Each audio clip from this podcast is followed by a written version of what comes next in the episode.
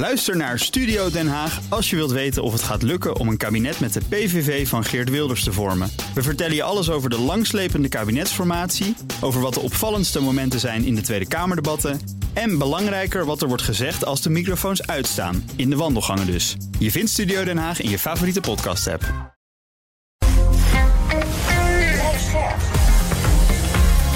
BNR Nieuwsradio. BNR breekt politiek. Nina van den Dungen. Hartelijk welkom bij BNR Breekt Politiek. Elke vrijdag heb ik eh, twee Tweede Kamerleden in de studio om te praten over een groot politiek thema. En vandaag zijn dat uh, op afstand Tjeerd de Groot van D66 met de portefeuille Landbouw, Natuur en Stikstof. Goedemorgen. Nou, dat begint al goed. Die er niet bij is. Ja, je bent er. Hartstikke fijn, ik hoor je. En uh, bij mij in de studio Leonie Vestering van de Partij voor de Dieren. In haar portefeuille onder andere veehouderij, landbouw en stikstof. Welkom. Dankjewel. Uh, ik ga als eerste heel even heel kort persoonlijk met jullie kennis maken. Vinden we altijd leuk, zodat we iets meer weten van de Kamerleden. Leonie, we gingen jou googelen. En wij kwamen uh, er onder andere achter dat jij klassieke muziek hebt gestudeerd. Klopt. Welk instrument? Horen horen. En ja. daar ben je niks mee gaan doen. Klopt. Of je bent gewoon heel hard op de horen gaan blazen, maar dan uh, vanuit Den Haag. Ik, ja, ik maak nog wel lawaai, dat wel. Ja, zeker weten. Maar ik heb, ik heb niet eens meer een horen, maar ik vind muziek wel het allermooiste wat er is. Ja. Dan zou je bijna zeggen, je opleiding was weggegooid geld. Ik heb ervan genoten. Het was een hele leuke tijd. Pretstudie? Ja. Nou, nee, je wel lekker van genoten. Ja. Oké, okay, nou en eh, nog iets anders wat ik zag. Uh, waar je succes mee hebt bereikt. Dat was uh, met de actiegroep Wilde Dieren de tent uit. Circusdieren, wilde dieren. Dat, dat is gelukt, hè? Dat mag niet meer in Nederland. Gelukkig wel. Ja, als het gaat om wilde zoogdieren, bijvoorbeeld olifanten, maar ook tijgers en leeuwen, die mogen we niet meer gebruiken in het circus. En ja, dat is een heel mooi succes. En ook een van de weinige goede doelen in Nederland. die dus dankzij dat succes zichzelf kon gaan opheffen. Dus dat was heel erg mooi. Ja, precies. En nu zit je in Den Haag. Tjeerd de Groot, wat heb jij gestudeerd? Tjeerd, die hoort ons toch echt helaas ja. niet goed, denk ik. Horen jullie, horen jullie mij nu? Ja, ik hoor je wel. Maar ik denk dat er een enorme vertraging op de lijn zit. Ik denk dat we jou gewoon eventjes gaan bellen. Dus uh, dan uh, doen we deze verbinding, verbreken we. Tjeerd, en dan hangen we jou even op uh, de telefoon. En ondertussen gaan Leonie en ik alvast beginnen aan het... BNR breekt. Breekijzer. Ja, dat breekijzer heeft te maken met een heel heet hangijzer binnen de politiek. Een groot onderwerp van de komende verkiezingen op 15 maart. Namelijk. Een groot probleem dat we in Nederland hebben, namelijk het stikstofprobleem. En dat is een probleem om een aantal redenen. Uh, in de eerste plaats leidt dat direct tot de verzuring van onze bodem. Uh, en dat heeft ook direct een gevolg voor de vruchtbaarheid en daarmee ook langere termijn voor de landbouw zelf. Uh, op kortere termijn zorgt het er ook voor dat Nederland nu op slot staat. Dat er allerlei rechtelijke procedures zijn waardoor uh, wegenbouw, uh, huizenbouw, andere grote projecten, trouwens ook projecten die nodig zijn voor de energietransitie, vertraging oplopen of soms zelfs niet kunnen doorgaan. Nederland staat dus voor de grote opgave om ervoor te zorgen dat 74% van de kwetsbare natuur in ons land in 2030 niet meer met te veel stikstof te maken krijgt. Daarbij is het onvermijdelijk dat sommige boerenbedrijven moeten verdwijnen en sowieso veel boeren hun werk radicaal zullen moeten veranderen. Dat zei Johan Remkes in het rapport dat hij opstelde na maanden van gesprekken met alle betrokken sectoren. Alle ondernemers, dus ook agrarische ondernemers, hebben voor zover dat mogelijk is recht om te weten wat er op ze afkomt. Zodat ze hierop hun keuzes kunnen baseren. Ook werd terecht gesteld dat beweging alleen te verwachten valt als er ook een realistisch en langjarig perspectief is. Er is kortom behoefte aan een integraal verhaal over waar het heen gaat met de landbouw en met het landelijk gebied. Ja, er wordt hard gewerkt aan een landbouwakkoord. Dat zou er eind april moeten liggen. Maar ja, gaat het lukken? Dat is nog maar zeer de vraag. Er is een groep boeren die het al lang anders doet. Zij worden mogelijk ontzien ook bij de nieuwe stikstofregels. Dan heb ik het over biologische boeren. Is een massa-omschakeling naar biologisch boeren in Nederland mogelijk? Wat betekent dat voor de uitstoot, voor onze concurrentiepositie en natuurlijk ook voor de portemonnee van ons consumenten, maar ook voor die van de boeren? Daar gaan we over debatteren tot half twaalf. Met ons breekijzer: de toekomst van boeren ligt in de biologische landbouw. Wat vind jij? Moeten we inderdaad massaal omschakelen naar biologische landbouw? Stoppen met de massaproductie, vooral voor de eigen regio gaan produceren? Of is dat volstrekt niet haalbaar? Valt er geen pepernoot mee te verdienen? 020 468 088 4 keer 0 Dat kun je nu bellen. Janneke heeft al gebeld, Willemina heeft al gebeld. Ik ga straks allemaal met jullie praten. Eerst even naar de Kamerleden. Tjeerd de Groot, D66, ben je er? Ik hoop het wel. Ja, je bent er. Goedemorgen. En soms is de telefoon, dat ouderwetse ding, toch maar de allerbeste manier. Tjeerd, eens of oneens, de toekomst van de boeren ligt in de biologische landbouw. Ik ben het er uh, niet mee eens. Niet mee eens. Uh, nou, nee. Jij mag straks toelichten waarom. Leonie Vestering, Partij voor de Dieren. Nou, als je biologisch ziet als een natuur-inclusieve landbouw, dan ligt hij daar zeker. Ja. Eens. Dus nou, mooi gelijk een oneens en een eens. Tjeerd, uh, schiet maar. Nou, we kunnen heel veel leren van de biologische landbouw. Hè. De omgang met de natuur, het integreren van de natuur in je voedselproductie. Dat is echt fantastisch. Um, het punt is dat eigenlijk uh, D66 verder wil gaan. Dus dat wat we geleerd hebben in de biologische landbouw ook toepassen op een heel landbouwsysteem. Wat, uh, waar je 10 miljard mensen mee zou kunnen voeden. Ja. En dat, dat noemen we kringlooplandbouw. Want ook in de biologische landbouw wordt er nog veel vruchtbare grond gebruikt om veevoer te telen. Mm -hmm. En dan heb je altijd een paar kilo graan nodig voor 1 kilo dierlijk eiwit. Nou, en daardoor is het ook het biologische landbouwsysteem, hoewel er fantastisch mooie dingen in zitten, niet geschikt om 10 miljard mensen te voeden. Daar moeten we veel efficiënter mee uh, met de aarde omgaan. Mhm. Als je kijkt hoe gebruiken we de aarde nu, ook los van de biologische landbouw, wordt een derde van de vruchtbare landbouwgrond gebruikt om uh, uh, nou ja, voedsel te telen voor mensen, direct in de, in de maag. Mhm. een derde uh, wordt verspild. Dat moet natuurlijk minder. En een derde van die vruchtbare grond wordt gebruikt voor de teelt van, uh, van diervoeder. Mm -hmm. En ja, als je daar 10 miljard mensen mee wil voeden, dan heb je drie aardbollen nodig. Nou, en dat hebben we niet. Dus we zullen naar een model van landbouw gaan, waarbij we geen eten meer geven aan dieren dat mensen ook kunnen eten. Um, en daarnaast zullen we inderdaad alles wat we geleerd hebben in de biologische landbouw daar ook uh, bij moeten gebruiken. Leonie Vestering, jij bent het er mee eens. We moeten uiteindelijk ligt de toekomst in de biologische landbouw. Vertel. Nou, zeker in de natuur-inclusieve landbouw. Dus dan ga je eigenlijk kijken naar wat de draagkracht van de aarde is en wat daar binnen valt. En dat betekent dat je bijvoorbeeld niet meer met landbouwgif gaat spuiten. En dat je dus ook een dierwaardig manier van, uh, van ja, voedselproductie hebt. Ja, en Ja. wat is dan een dierwaardige manier van voedselproductie? Ja, dan zijn die stallen die zijn wel leeg. Dus die Die zijn toekomst, allemaal buiten. Nou ja, die toekomst is plantaardig. Want dan hebben we het inderdaad over wat is nou een effectieve manier van voedselproductie en een efficiënte manier. En dan ga je niet allerlei voedsel verspillen in het maag-darmsysteem van een, eh, van een dier. Om het uiteindelijk in de mond van een mens terecht te laten komen. Nee, dan is die plantaardig. En daarmee kunnen we voldoende mensen voeden op een gezonde manier. 10 miljard, zoals. Uh, Nou, dat moeten we niet allemaal in. Nederland eh, voor elkaar zien te gaan krijgen. Dus dat moet meer lokaal zijn. maar moeten wij dan alleen voor de Nederlanders gaan produceren? Nou, het liefst zou je natuurlijk zoveel mogelijk lokaal willen produceren. Dus een, kijk, een exclusiviteit, dat zul je niet voor elkaar gaan krijgen. Maar zoveel mogelijk lokaal, dat is echt ongelooflijk belangrijk. Want wat je nu ziet, is dat we allerlei vrijhandelsverdragen hebben. De hele wereld rond kunnen gaan handelen. En van, van ver bijvoorbeeld kippenvlees uit, uit Brazilië importeren in Nederland.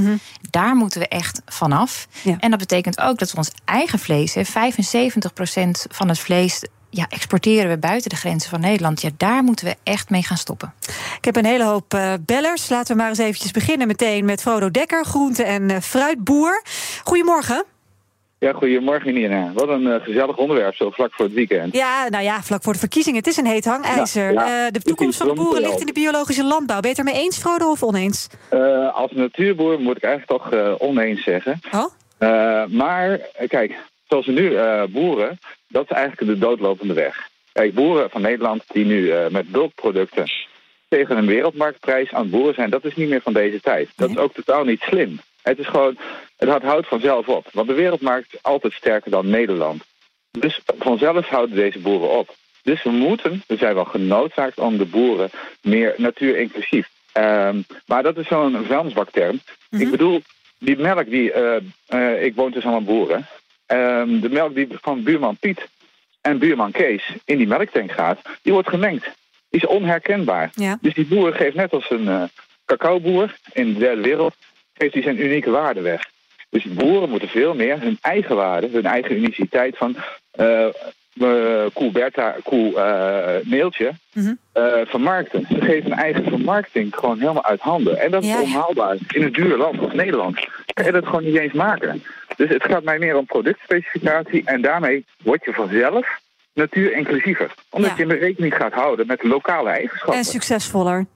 Absoluut. En wij hoeven dan niet per se voor de hele wereldmarkt te voeden in jouw ogen. Kan het ook echt wel meer lokaal? Ook al, als je, ik zal je uit die droom halen, die, dat hele wereldmarktsprookje.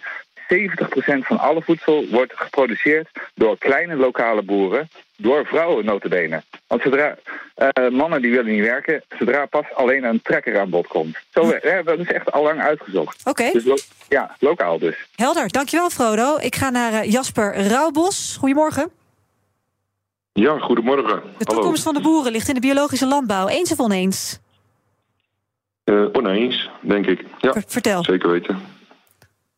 Eh, ja, uiteindelijk eh, gaat het eh, om landgebruik. Je wil uiteindelijk alle, alle vormen van landbouw zijn uiteindelijk natuurlijk ten koste van natuur gegaan. Dus eh, land voor vrijgemaakt. En ik vind dat land wat je dan hebt vrijgemaakt van die natuur, dan moet je zo efficiënt mogelijk betelen. Ja. En ja, daar zijn af en toe ook slimme hulpstoffen voor bedacht. En ja, ik denk dat je dan op die manier hou je dus, voorkom je dus misoogsten. Ja. Want dat willen we niet. Hè. Je wil, wil niet een heel jaar telen en onkruid bestrijden en noem maar op. Alle werkzaamheden die erbij horen. En dat dan aan het eind eh, van het verhaal eh, je oogst mislukt. Ja. Dus dat vind ik zonde. Dus je zegt landbouw Dus, eh, heeft altijd eh, milieu-impact? Ja, altijd. Ja. En ehm, we leven hier natuurlijk wel in een rivierendelta. Hè? Dat vergeten mensen wel eens. Nederland eh, heeft wel de vrucht, een van de vruchtbaarste bodems van de wereld. En eh, we, we hebben heel goedkoop eh, gratis water hier altijd. En, eh, ja, dat teel- en daardoor kunnen wij heel efficiënt telen. En met veel opbrengst van een hectare. Ja, en dat scheelt natuurlijk heel veel ruimte in eh, andere landen. Dus wat we hier niet doen, of minder gaan doen, dan moet ergens anders wel weer een plekje, eh, een plekje grond terugkomen, zeg ja, maar. je zegt het, vers- het probleem verschuift. Ja. Ja, ja, inderdaad. Maar inderdaad, het slepen van producten over de hele wereld, dat hoeft voor mij ook niet zo nodig. Maar al hou je dat meer in Europa, ja, dan is dat toch ook een relatief binnenlandse markt. Ja, dankjewel Jasper. Eh, Leonie, ik leg het gelijk even voor. Ehm, bijvoorbeeld Frodo die zegt beter vermarkten. De, de melk van Neeltje moet ook de melk van Neeltje zijn. Nou, de melk van Neeltje moet naar het kind van Neeltje, naar haar kalf. Hè, daar is die melk voor bedoeld. En daar moeten Wij we hebben het ook nodig. Nou, er is gelukkig heel veel plantaardige eiwitten die heel erg gezond zijn voor mensen. Ja, dat weet ook- ik, maar er zijn nog heel veel mensen niet klaar voor. Nou, dat is wel belangrijk. En gelukkig wordt er nu ook wel steeds meer op ingezet. Hè. Die plantaardige eiwittransitie die nodig is als we inderdaad toe willen naar een kringlooplandbouw, als we toe willen naar een duurzame eh, landbouw, dan zullen we daar echt op moeten inzetten. En de hele kleine, voorzichtige stapjes vanuit het ministerie van LNV zien we daar. Maar met name ook grote stappen van de minister die iedere vorm van plantaardige eiwittransitie eh, wil tegenhouden. Ja, als we bijvoorbeeld ook kijken naar het effect op het klimaat dat de landbouwsector heeft, de veehouderijsector heeft. Ja, dan zie je dat de minister van LNV ervoor gaat liggen om consumenten, om de mensen in Nederland te wijzen op de enorme klimaatimpact die het eten van vlees en zuivel eh, met zich meebrengt. Cheert? Ja. Eh, we hadden net eh, Jasper aan de lijn die zegt van ja, het, het heeft overal milieu-impact. Maar hij zegt het is wel een groot ding dat wij eigenlijk moeten stoppen met die megahandel over de hele wereld. Ja, nou, dat, dat, dat ben ik zeker eh, ook, ook met hem eens. Eh, en en eh, ik ken het bedrijf van Jasper. En, en eh, denk ik, ik ben er een paar keer geweest. Dat is een bedrijf wat eigenlijk heel goed eigenlijk het bestaande landbouwmodel. ja, tot in de puntjes heeft geperfectioneerd. En dat betekent heel veel, ja, of zo min mogelijk input van bestrijdingsmiddelen. En nou, zo goed mogelijk omgaan met de grond enzovoort. En toch denk ik dat dat niet de toekomst is. Het is meer, meer het eindmodel van super efficiënt. Maar het heeft heel veel input. En inderdaad is Nederland een hele vruchtbare delta. Maar we hebben het ontzettend op de turbo gezet, ook nog eens. En eh, ja, daar worden vooral eh, alle leveranciers van eh, Jasper Rauwbos rijk van. De, de, in dit geval de, de bestrijdingsmiddelenleveranciers. Maar niet de boeren zelf hebben niet per se belang bij zo'n intensieve productie... dat het ook nog eens ten koste gaat van de omgeving in Nederland. En BNR breekt. Politiek. Nina van den Dungen. Komen zo weer terug hoor bij je, Geer, eh. Maar ik ga eerst eens even naar een paar bellers. Want onze stelling is: de toekomst van boeren ligt in de biologische landbouw. Janneke, goedemorgen. Goedemorgen. Zeg het maar. Ja, eh, wij zijn van eh, Land van Ons juist heel bewust bezig met eh, de biologische landbouw in Nederland te bevorderen. Met geld van onze leden leggen wij, eh, kopen wij ook grond aan. En eh, wij vragen van onze boeren om biologisch te boeren op die grond. Dat is veel beter voor de grond, maar het mes snijdt aan heel veel kanten. Het is ook beter voor de biodiversiteit, voor het klimaat. Je lost het stikstofprobleem mee op. Dus ik denk dat dit echt de toekomst heeft. Het is, uh, dat zei Geert de Groot aan het begin, het is mogelijkerwijs niet voldoende. Je zou meer moeten doen, hè, want uh, wat je ook moet doen is uh, nou, weer landschapselementen terugbrengen die uh, verloren zijn gegaan. doordat men probeerde zo efficiënt mogelijk het land te gebruiken. Maar dat betekent dan wel dat de hagen verdwijnen. Ja. Daarmee ook een aantal natuurlijke bestrijders van zeg maar plagen die mm -hmm. zich in de landbouw kunnen voordoen. Dus ik denk dat zo'n systeem met biologische landbouw en uh, daarin veel uh, natuurlijke elementen ook weer terug laten komen. Dat is de dat toekomst. de toekomst is van Nederland. Helder, ja. dankjewel Janneke, mooi gezegd. We gaan even naar Willemina. Ja, hallo, met Willemina. Um, ik denk dat we een stap verder moeten gaan. Uh, we moeten een stap naar de regeneratieve landbouw zetten. Nou, sorry? Dat, dat gaat een stap verder dan biologische landbouw. Het moet regeneratief zijn. Regeneratief, ja. Landbouw.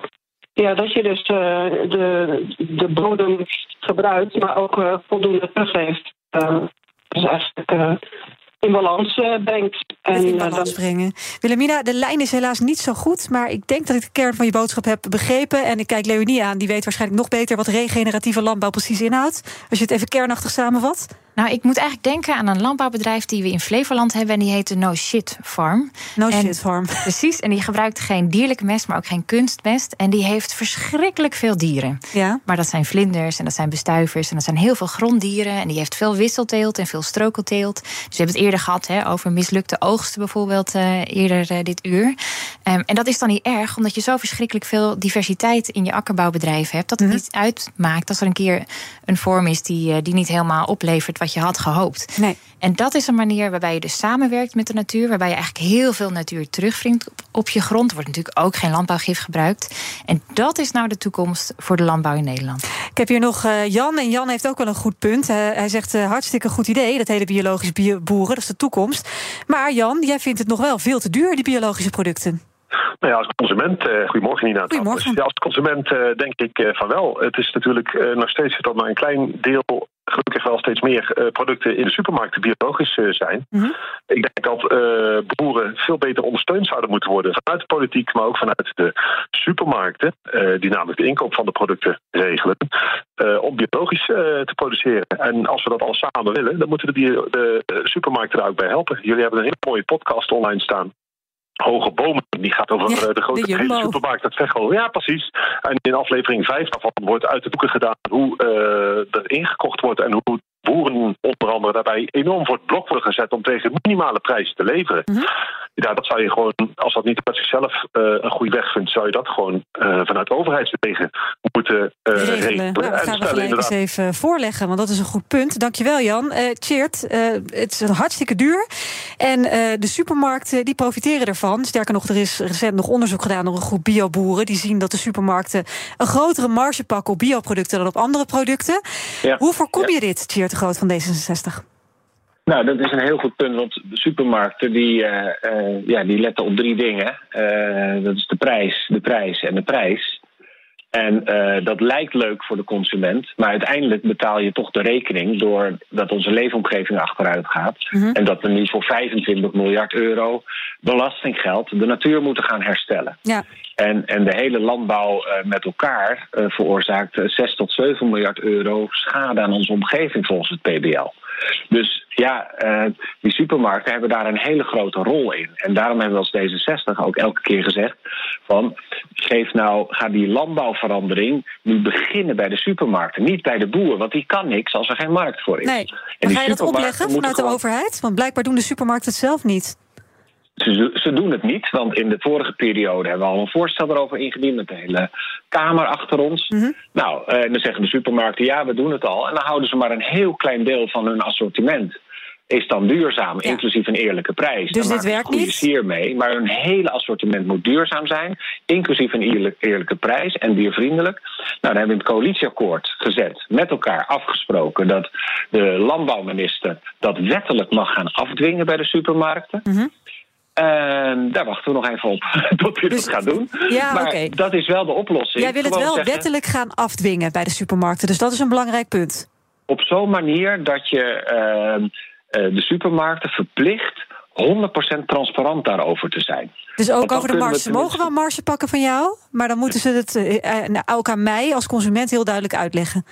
Precies. En dan zullen ook eh, banken, andere financiers die weten van oké, komt deze supermarkt in het rijtje van de oliemaatschappijen? Mhm. Of is dit een supermarkt in een mooi groen rijtje? Eh, en daar dit wil ik wel eh, geld aan lenen. Gaat dit ver genoeg voor jou, Leonie Vestering van de Partij voor de Dieren? Nou, sterker nog, wij komen als Partij voor de Dieren met een concreet wetsvoorstel om te komen tot dat die supermarkten, maar niet alleen de supermarkten, maar echt die grote agri-jongens die jarenlang stinkend rijk zijn geworden over de rug van boeren, over de rug van dieren en van de natuur, om mee te gaan betalen aan die 24 miljard belastinggeld die gebruikt gaat worden. Om de natuur te herstellen en de boeren uit te kopen, et Precies. cetera. Ja, oké. Maar daarmee eh, kom je nog niet op het punt van in hoeverre ga je de supermarkten dwingen om normale prijzen te rekenen voor biologische producten. Want Tjeerd geeft wel een, een, een goed- een goede voorzet. Maar ik kan me voorstellen dat jij nog een stap verder zou willen gaan. Zeker een stap verder, maar ook als je kijkt natuurlijk naar de rol van de overheid. Want dan zie je ook dat nu die prijzen voor echt die, die grote bio-industrie, veeknallers die je in de supermarkt ziet liggen, die wordt kunstmatig laag gehouden doordat er verschrikkelijk veel landbouwsubsidies naartoe gaan. Ja. En wij zeggen gebruik die subsidies juist voor die omschakeling naar natuurinclusieve, diervriendelijke en liefst plantaardige landbouw. Om te komen tot een landbouw die ook toekomstbestendig is. Want we gaan nu verschrikkelijk veel geld gebruiken voor die historische landbouwtransitie waar we voor staan.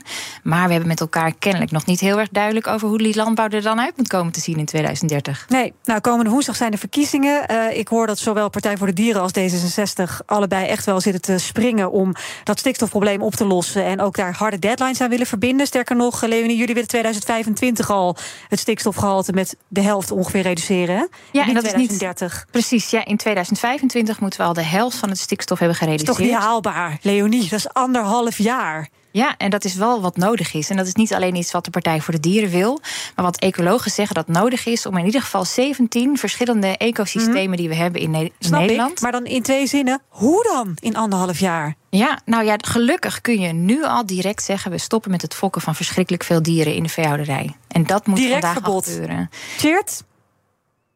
Nou, wat je moet doen, eh, zelfs de wet verplicht je, de wet natuurbescherming, op het moment dat je die 17 gebieden niet eh, de achteruitgang kunt stoppen, dan verplicht de wet je om vergunningen in te trekken. Ja. Ehm, en dat is wel waar we, nou ja, mogelijk aan het eind van dit jaar staan, omdat het echt noodzakelijk is om nu de natuur op één te zetten. Ja, maar jij zet hem niet op 2025, maar op 2030, hè? Die stikstofreductie van ongeveer de helft.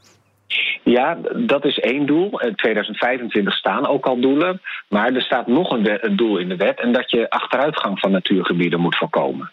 Dus daar hebben we het nu over. Dus het gaat even los van 2025 of 2030. Je moet nu al eigenlijk eh, eh, alles eraan doen om achteruitgang te voorkomen. En dat, eh, ja, dat lukt nog onvoldoende. Nou, de toekomst van boeren ligt in de biologische landbouw. Ik hoor eens en oneens van Partij voor de Dieren en D66. Maar over één ding zijn jullie het heel duidelijk eens. Er moet van alles gebeuren om in elk geval de stikstofuitstoot zo snel mogelijk omlaag te brengen. Ik had heel veel bellers. Ik heb jullie niet allemaal kunnen, in de uitzending kunnen laten. Maar wel heel erg veel dank voor jullie belletjes. En wij gaan zo meteen uitgebreid verder praten. Meer dat de politie op grote schaal persoonsgegevens van demonstranten opvraagt. Dat is toch wel opvallend, zeker met het oog op de twee massademonstraties die morgen in Den Haag gaan plaatsvinden. En we gaan ook praten over ruim 70.000 ondernemers die nog helemaal niks van hun coronaschuld hebben afgelost bij de overheid. Blijf bij ons, blijf bij BNR Breekt Politiek. Ook Harm Edens vind je in de BNR-app. Je kunt BNR Duurzaam niet alleen live luisteren in de app, maar ook terugluisteren als podcast, zoals al onze podcasts. En naast dat de BNR-app Breaking News meldt, houden we je ook op de hoogte van het laatste zakelijke nieuws. Download nu de gratis BNR-app en blijf scherp.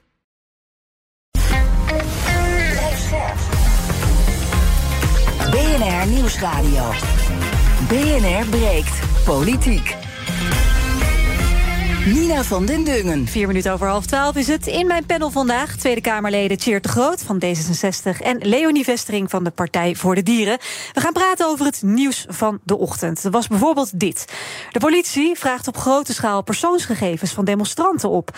Gaat dan bijvoorbeeld om adresgegevens, geboortedata... maar ook PSN-nummers.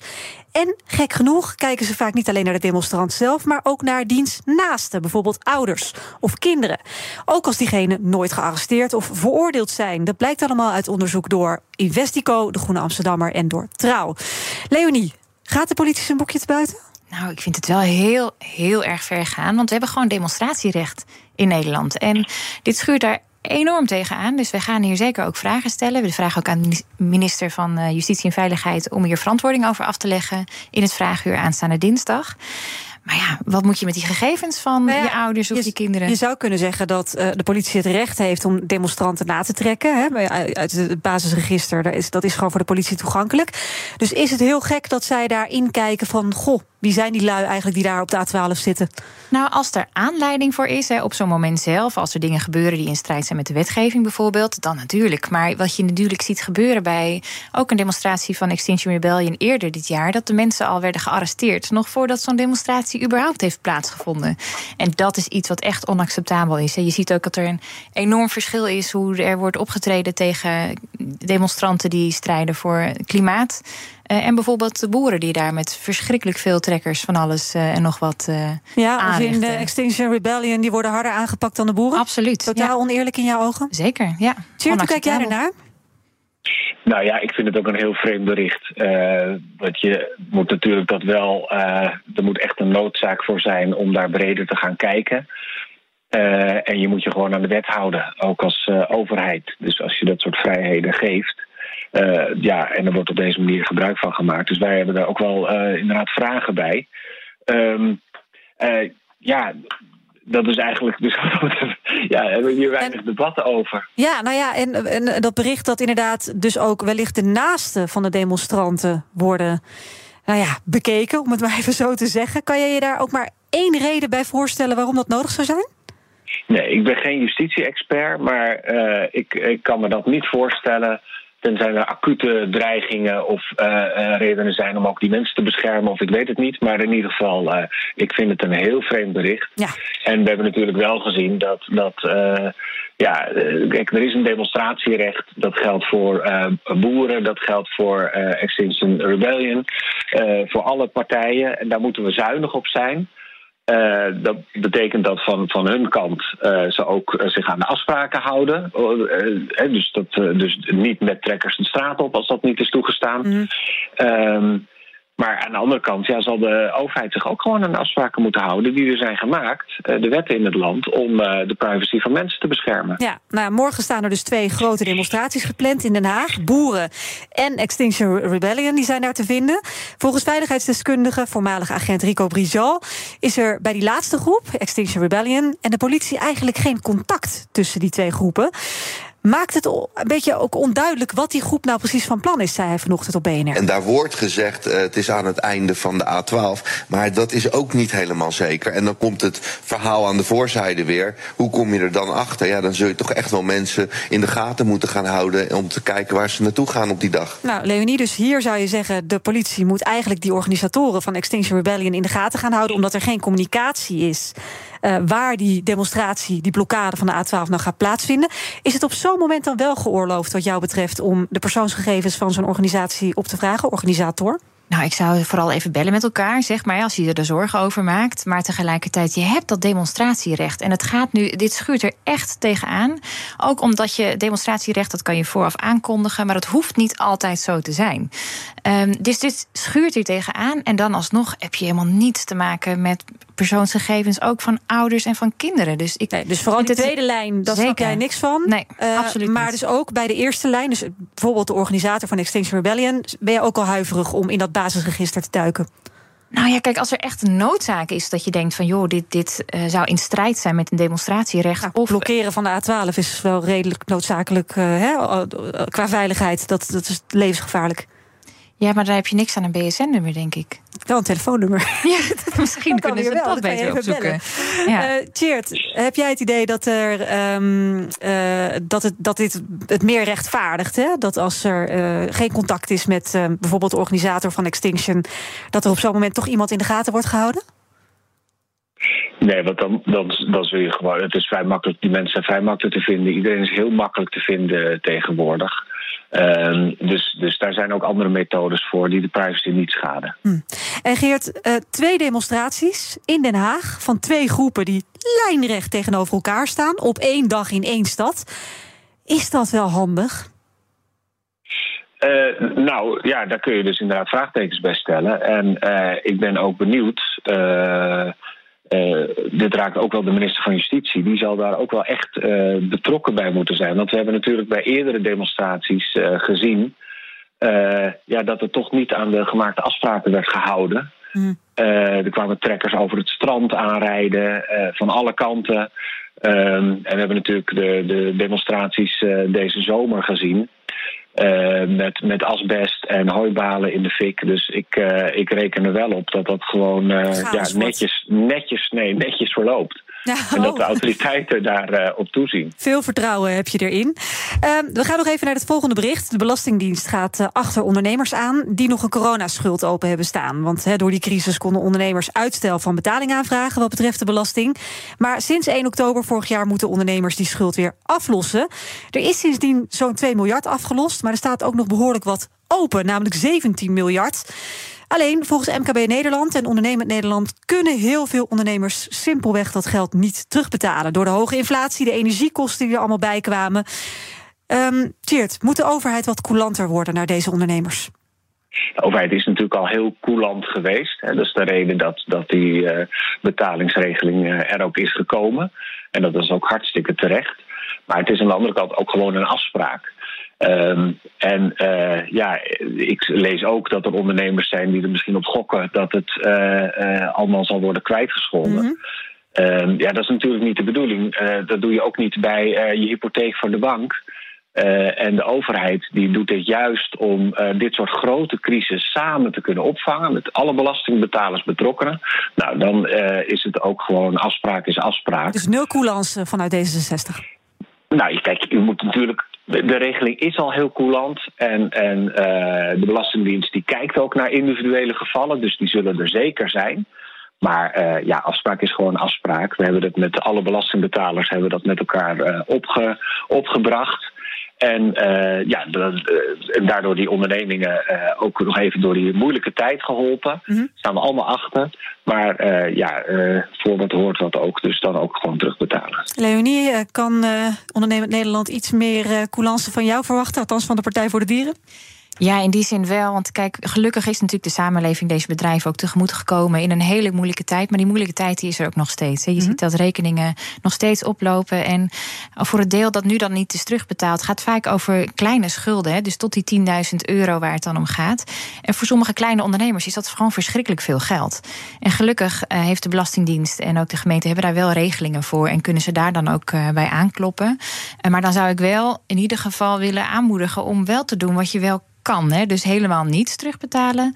Dat is wel heel erg weinig. Maar je vindt wel dat er wat meer coulance mag zijn dan er nu vanuit de overheid is? Want er is, wat Tjeerd zegt, ja, er is al een redelijk coulante regeling. Mag daar nog een schepje coulance op, wat jou betreft? Nou, misschien weet niet iedereen dat je dus ook bij zo'n gemeente of dat je bij een belastingdienst kunt Daar aankloppen. komt een brief voor vanuit eh, de overheid. Nou, dat is dus belangrijk. Ja, en ik denk dat, dat ja, ondernemers die gewoon in grote financiële problemen zitten, het wel heel erg lastig vinden om te kijken van ja, wat, wat gebeurt er nu? En dan hopen op dat het misschien kwijtgescholden wordt. Ja, dat is niet hoe het werkt, want dan is Jij het uiteindelijk. dat dat geen optie is? Nee, want het is wel het geld van de belastingbetaler die dit heeft voorgeschoten, eigenlijk, hè, in een hele lastige situatie. Eh, maar het hoort ook bij dat je dat gaat terugbetalen. En hoe lang je daarover doet en of daar ook even naar individuele gevallen kan kijken. Ik denk dat je daar wel maatwerk voor moet kunnen bieden. Ja, maar Tjeerd, jij eh, zegt dat maatwerk zit ook al in de huidige, ja, de huidige regeling. Hè? Er is maatwerk mogelijk. Dat, dat zit er al in. Eh, en nogmaals, de regeling is heel coulant. En we moeten ook eerlijk zijn. eh, het kan ook, als je onderneemt, gebeuren dat het gewoon niet lukt. Hè? Aan de andere kant kan je hartstikke rijk worden, fantastisch. Als je daar met goede ideeën en prachtige producten gewoon een goede boterham aan verdient. Maar het kan dus ook mislukken. Ja, Eh, ondernemersrisico, zeg jij. Dat is ook voor een deel. er De ondernemers kunnen heel er niks aan doen dat er een oorlog in Oekraïne losbarst, waardoor onze energieprijzen de, de, de lucht in gaan. Exact. En ondernemers konden er ook niks aan doen dat eh, de hele eh, corona-epidemie, daarom hebben ze ook geholpen. Daarom is het ook heeft het, eh, is het coulants geweest.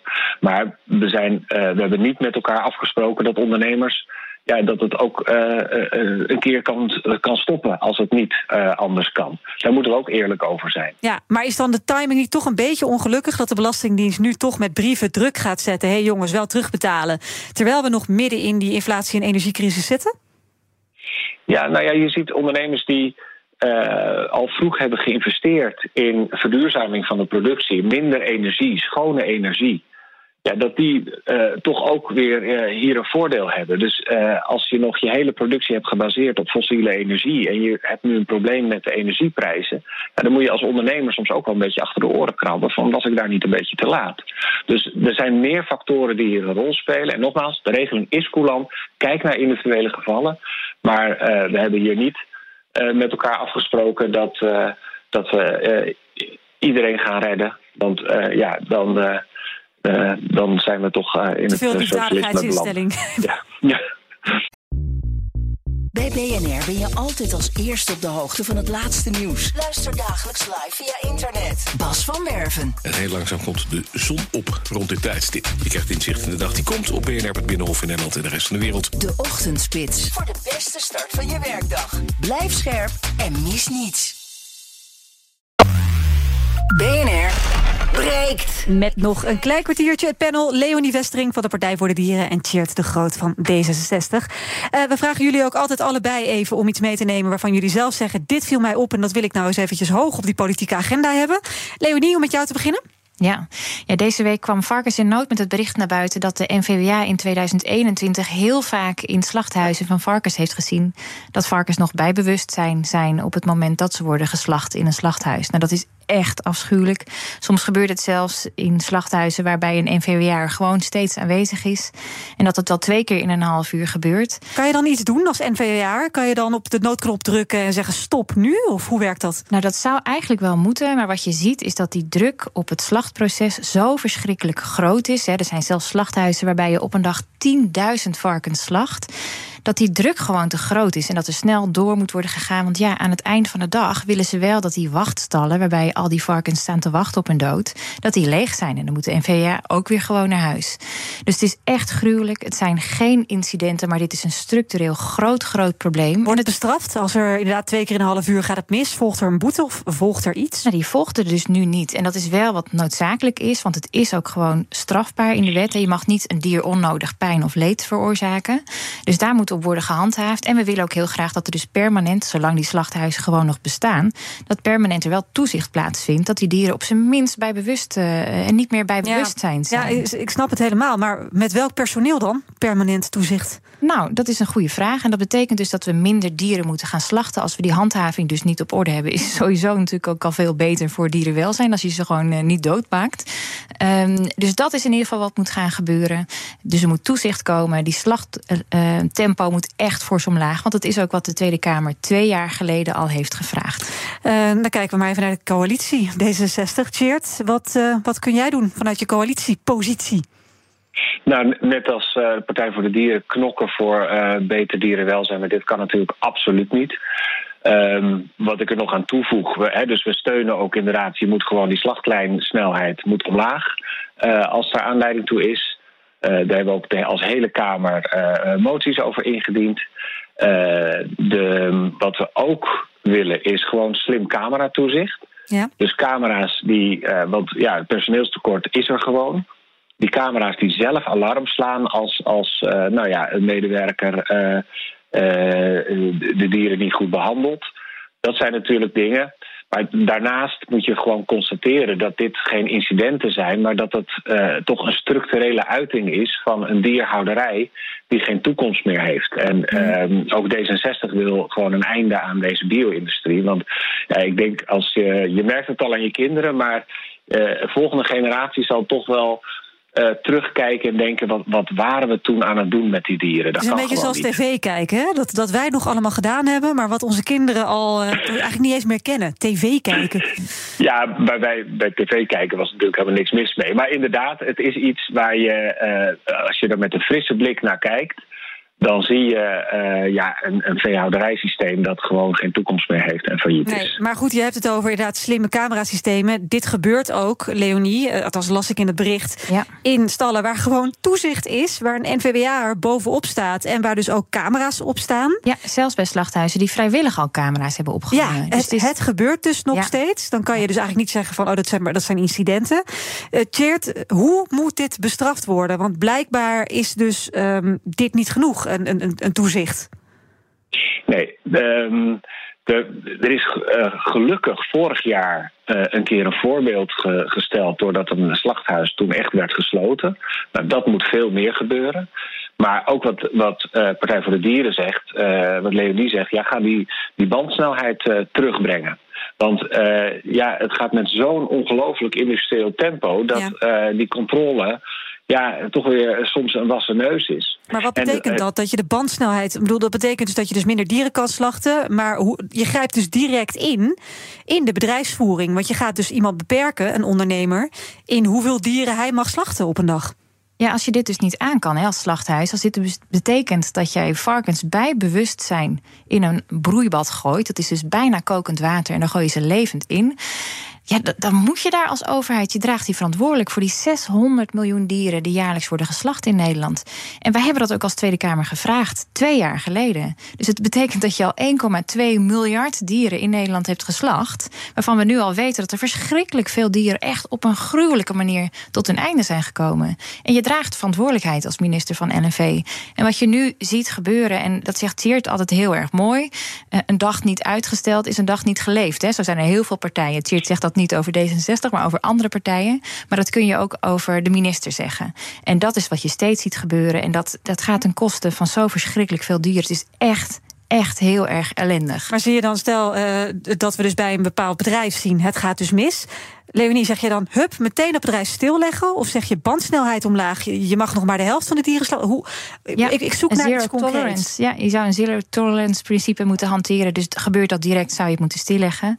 En wat je wel vaak ziet gebeuren, is dat al die andere politieke partijen, zoals de VVD, vooraan in de rij staan bij de interruptiemicrofoon om te vertellen hoe verschrikkelijk ernstig dit allemaal is op het moment dat dit naar buiten komt. Vaak door hele moedige dierenactivisten die bijvoorbeeld in zo'n slachthuis. Gaan werken. Ja, en dat gaan veel om te laten zien. Want heel veel mensen zien dit gewoon niet. Die kunnen dit ook niet zien. En op het moment dat het naar buiten komt, wordt er grove schande over gesproken. En dan hebben ze het over een three strikes out. Dus dan mag je nog drie keer doen voordat je het. Uh, voordat het stilgelegd wordt. Ja, maar ja, dan kijk je naar die NVWA-rapporten. En dan denk je, nou, dan, dan kan je het hele bedrijf binnen een uur dus al stilleggen. Want je weet dat het zo'n twee keer per half maar uur dat gebeurt voorkomt. niet. Ja, ja. Dat, gebeurt niet. dat gebeurt dus niet. Ja, ik denk dat je eh, veel strenger moet, uh, moet handhaven. Daarover zijn we het eens. Maar je moet ook iets structureel doen aan de manier waarop we nu met dieren omgaan. En uh, dat is. dus, dat is waar we eigenlijk de uitzending mee begonnen. Met die overgang naar kringlooplandbouw ga je niet alleen veel meer met de biologie werken. Veel, meer, veel slimmer je dieren voeren. Maar je gaat ook veel meer op dat dierenwelzijn letten. En daar heeft Partij voor de Dieren ook een heel mooi voorstel over ingediend, een voorstel van wet. Zijn jullie lief voor elkaar? Uh, ja, nee, we zijn het op dit punt gewoon, gewoon hartstikke eens. Ja. dus dus uh, uh, niet altijd op de manier hoe je het precies allemaal gaat doen en regelen. Nee, maar nee, we moeten echt naar een dierhouderij die bij land past. Ja, want hier nog één concrete vraag. Zeg jij inderdaad meteen stilleggen zo'n bedrijf als, het, als je ziet dat het misgaat, meteen stilleggen? Ja, ik denk dat er gewoon veel harder opgetreden moet worden. en die bandcijfer moet dan meteen omlaag. Daar ja. zijn jullie het ook eens. Tjeerd, jij wilde het over het volgende hebben. The ship has reached the shore. En dat ging uh, over, uh, even kijken. Uh, het schip heeft de kust bereikt. Dat zei de conferentievoorzitter Rena Lee afgelopen weekend... toen door de VN een akkoord werd bereikt over de bescherming van de oceanen. Jij gaat heel erg op de groene toer. Jij zit eigenlijk gewoon in het vaarwater, Tjeerd, van de Partij voor de Dieren. Nee, er zijn heel veel groene partijen. En uh, D66 is dat ooit al uh, begonnen met Jan Terlouw. En uh, dat zet ik graag, graag voort. Oké, okay, waarom wil je het hierover hebben? Nou ja, ik, ik, dit, dit is toch fantastisch nieuws. In een tijd wat, waar internationale ja, instabiliteit heerst. Eh, met oorlog. eh, en, en dat er toch nog dat we in staat zijn om zo'n mooi verdrag en noodzakelijk verdrag om die oceanen te gaan eh, beschermen, om dat te kunnen afsluiten. En nou ja, die voorzitter had ook misschien ook door de vermoeidheid en de emotie de tranen in de ogen. En ja, ik, ik ben zelf ook, ook, ook zeiler. En ik zie hoe, hoe, hoeveel plastic er is, hoe slecht het gaat. En, en, dus ik vind het echt fantastisch dat dit er nu is. En het zal nog heel veel werk zijn om het dan ook echt ervoor te zorgen dat we dat ook in Nederland eh, gewoon voor onze eigen zeeën beter gaan doen. Maar dit is gewoon goed nieuws. Leonie, heb je er nog iets aan toe te voegen? Zeg je het is een flutverdrag, dat had veel beter gemoeten? Nou, het is een goed begin. Ja, en het is zeker, het is heel erg mooi dat we dit met elkaar gaan doen. Maar ecologisch gezien is het wel het meest minimale wat er nu wordt voorgesteld. hè. 30% bescherming. Ehm, Jij bent niet zo'n jubelstemming als uh, Tjeerd. nou ja, kijk, eh, wel als, het- als het 20 jaar geleden misschien was geweest. Maar we lopen een beetje achter de feiten aan. Dus jij hebt die- toch tranen in je ogen, maar dan van verdriet. Dat het eigenlijk gewoon... Ja, ik word een beetje ongeduldig. En ook wetende dat vaak zulke prachtige afspraken met elkaar worden gemaakt. Kijk naar die anderhalve graad afspraak in Parijs. En dan is het nog maar de vraag of we dat gaan halen. Tot slot in deze uitzending kijken we even naar wat er trending is op social media. Bijvoorbeeld hashtag Gouden die werd gisteravond uitgereikt. De prijs voor de beste reclame gaat voor de vierde keer in vijf jaar. Zegt de prestatie naar staatsloterij voor deze kerstkraker. Ik moet je iets vertellen. We gaan nog één keer op reis. Dat is toch veel te duur? Ik heb hem gewonnen. Staatsloterij. Ook een tradentrekker van verdriet. Kijken jullie nog televisie? Of, eh? Ik ken deze reclame niet. Tjeerd, jij? Nee, sorry. Nee, ik ken hem ook niet. Dus nee, het is inderdaad heel grappig. Wij kijken allemaal GTV. Kijken jullie wel half acht? Die, die talkshow. Mm, af en toe.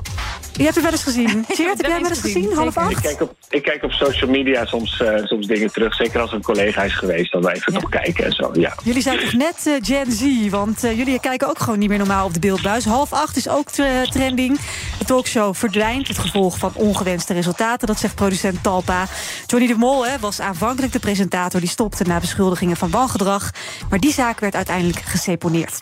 En tot slot hashtag Jack van Gelder. Die zat in half acht. En hij bekende daar betrokkenheid bij twee incidenten bij NOS Sport. Er is een collega-presentatrice geweest. eh, die heeft mij gebeld, zegt ze. En dat geloof ik, terwijl ik in bad zat. En die vroeg toen of ik haar mentor wilde zijn. En toen zou ik de opmerking hebben gemaakt... als je bij me in bad komt zitten, prima. Nou, dat is voor mij een grap. Alleen is dat bij haar behoorlijk hard aangekomen, blijkt. Blijkt, Leonie. Gek, hè? Blijkt. Nou, ja, ik, moet eerlijk zeggen, als vrouw, zulke soort opmerkingen krijg je zo ongelooflijk vaak. Jij en niet er per se niet- die over dat bad, maar wel.